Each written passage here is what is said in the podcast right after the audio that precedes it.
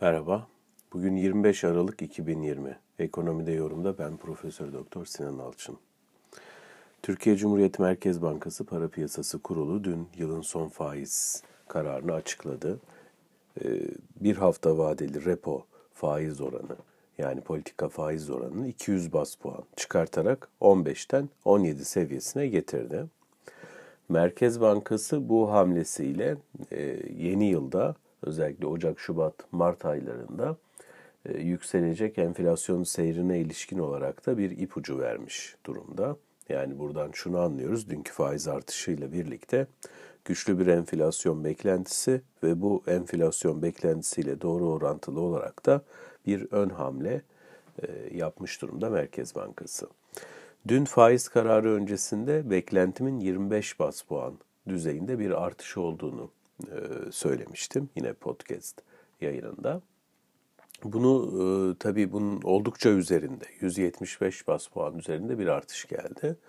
Bu sapmanın nedeni nedir diye e, düşünecek olursak aslında iki yol var. Yani burada esaslı sapma 25 bas puanlık artış beklentisi değil bence. 200 bas puanlık e, gerçekleşen faiz artırımı neden böyle söylüyorum? Çünkü e, eski Merkez Bankası olsaydı e, dün paylaştığım verilerde yani ortalama ağırlıklı ortalama fonlama maliyetinin e, sadece e, işte bindeli rakamlarla oranlarla artmış olması yani çok ufak hareket etmiş olması dolar TL e, değişimi değerindeki çok sınırlı hareket CDS priminde 50 bas puan civarı geri çekilmenin olmuş olması, yine 10 yıllık tahvillerin durumu, e, Borsa İstanbul'daki endeks hareketi yani 1313 seviyesinden 19 Kasım'daki 24 Aralık'ta 1418 seviyesine kadar gelmiş olması bunları alt alta yazar ve dünkü tabloda 200 bas puanlık indirim yapardı, yapabilirdi. Ve fakat yeni Merkez Bankası daha doğrusu sadece başkanı yeni ama aynı zamanda işte Kasım ayında faiz artırımı yapan, geçen hafta çok da alışık olmadığımız tarzda bir basın toplantısı düzenleme tırnak içinde söylüyorum cesaretini gösteren Merkez Bankası yani bu yönüyle yeni Merkez Bankası eski Merkez Bankası'nın 200 bas puan indirim yapabileceği bir ortamda 200 bas puan artırma gitti. Ben yine aynı görüşteyim. E, mevcut parasal e, düzeyler üzerinden düşündüğümüzde 25 bas puanlık bir artış yeterliydi. Şimdi 200 bas puanlık artışa Merkez Bankası'nı götüren sebepler nedir e, diye baktığımızda burada aslında iki şey, e, iki alan karşımıza çıkıyor.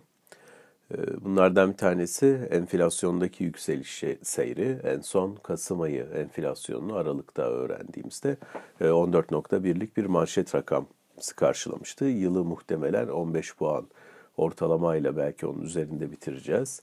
Ve Ocak, Şubat, Mart aylarında da %18'e doğru tırmanan bir enflasyon göreceğiz. Dolayısıyla Merkez Bankası bu yükselmekte olan enflasyon açısından e, onun önünü alabilmek için, durdurabilmek için bir ön hamle geliştirmiş durumda. Bu bir ayağı. Diğer taraftaysa e, yitirilen kredibilite özellikle 2020 e, yılı boyunca harcanan rezervler, döviz rezervleri ve ardından eski Merkez Bankası yönetiminin bir anlamda vurdum duymaz politikaları nedeniyle özellikle Ekim ayında ki şeyde 22 Ekim'deki para piyasası kurulunda faiz artırımına gitmemesi e, Türk lirasında çok ciddi değer kayıplarının ortaya çıkmasına yol açmıştı. Dolayısıyla bu e, eksilen ya da yiten kredibilitenin yerine konulabilmesi için de Merkez Bankası e, ne diyelim hani geçen yılki tabirle eski Merkez Bankası'nın tabiriyle önden yüklemeli bir faiz artırımı yapmış gibi görünüyor. Burada tabii hani tarihsel bir not olarak şunu düşmemiz gerekiyor ki 2020 yılı boyunca dünyadaki bütün merkez bankaları genişlemeci para politikası izlerken e, bizde Türkiye Cumhuriyet Merkez Bankası Temmuz'dan bu yana sık para politikası izlemek e, durumuyla karşı karşıya. E, bunun tabii sonuçları olacak, bedeli olacak. E, özellikle finansal istikrar kısmı açısından değerlendirdiğimizde kapanmalarla birlikte özellikle Kasım ayından itibaren ortaya çıkan kapanmalarla birlikte e, tekrar bir kredi sıkışması yaşayacağız. Yani önümüzdeki aylarda bu sıkı para politikasının daha fazla sürdürme olanağı olmayabilir. Bu yönüyle de bakıldığında yeni Merkez Bankası yönetiminin bu kadar güçlü bir faiz artırımı gerçekleştirmiş olması anlaşılıyor veyahut da e, bu yönüyle gerekçelendirilebilir diye düşünüyorum. İyi günler. Müzik